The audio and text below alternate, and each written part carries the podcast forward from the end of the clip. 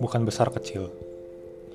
Matius 25 ayat 15. Yang seorang diberikannya lima talenta, yang seorang lagi dua, dan yang seorang lagi satu, masing-masing menurut kesanggupannya, lalu ia berangkat. Ketika saya kecil, saya ingat kalau saya sering sekali protes kepada orang tua saya mengenai uang jajan.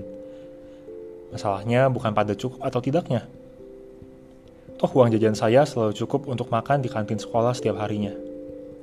Yang saya protes adalah, mengapa uang jajan saya lebih sedikit dari kakak saya? Saya merasa bahwa ini tidak adil. Belakangan saya baru menyadari bahwa orang tua saya membedakan karena kebutuhan kami dan juga kemampuan kami mengelola uang itu berbeda. Dalam kehidupan ini pun, bukankah kita sering merasa demikian? Terkadang kita merasa bahwa Allah tidak adil karena memberikan orang lain kemampuan, bakat, atau harta lebih daripada kita kita merasa bahwa kita bisa menjalankan titipan itu lebih baik dari orang lain. Tetapi hari ini firman Tuhan dalam Matius 25 ayat 14 sampai 30 mengajarkan sebaliknya. Ketika Yesus memberikan perumpamaan tentang talenta, Yesus berkata bahwa ketiga orang hamba ini diberikan sesuai dengan kemampuan mereka. Jumlah yang didapat hamba pertama, kedua, dan ketiga bukan jadi fokus utamanya. Melainkan bagaimana mereka mengelola apa yang dititipkan tuannya dengan kemampuan mereka. Pada hari ini, kita belajar bahwa yang terpenting bukanlah jumlah yang diberikan, melainkan bagaimana kita mengelolanya. Allah sudah memberikan sesuai kemampuan kita. Bagian kita adalah menjadi penetalayan yang mengelolanya sebaik mungkin.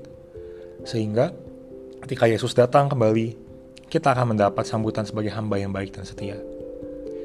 Apakah kita masih sering membanding-bandingkan bakat, harta, dan kemampuan yang Allah berikan kepada kita? Bagaimanakah kita mengelola talenta yang Allah titipkan selama ini.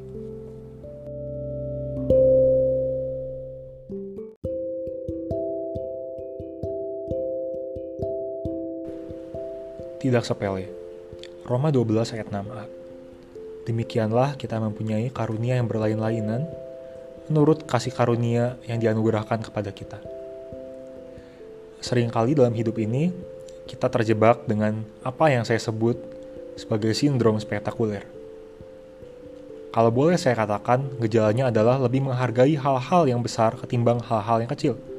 Contohnya, kita lebih menganggap suatu pekerjaan lebih bermartabat atau sukses ketika pekerjaan tersebut menghasilkan uang dengan jumlah yang sangat besar.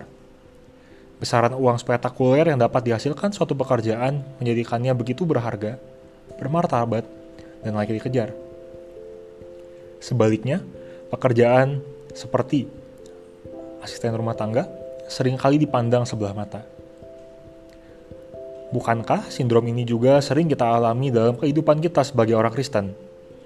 Kadang kita melihat bahwa ada karunia tertentu yang lebih besar, lebih bermartabat dibanding yang lain.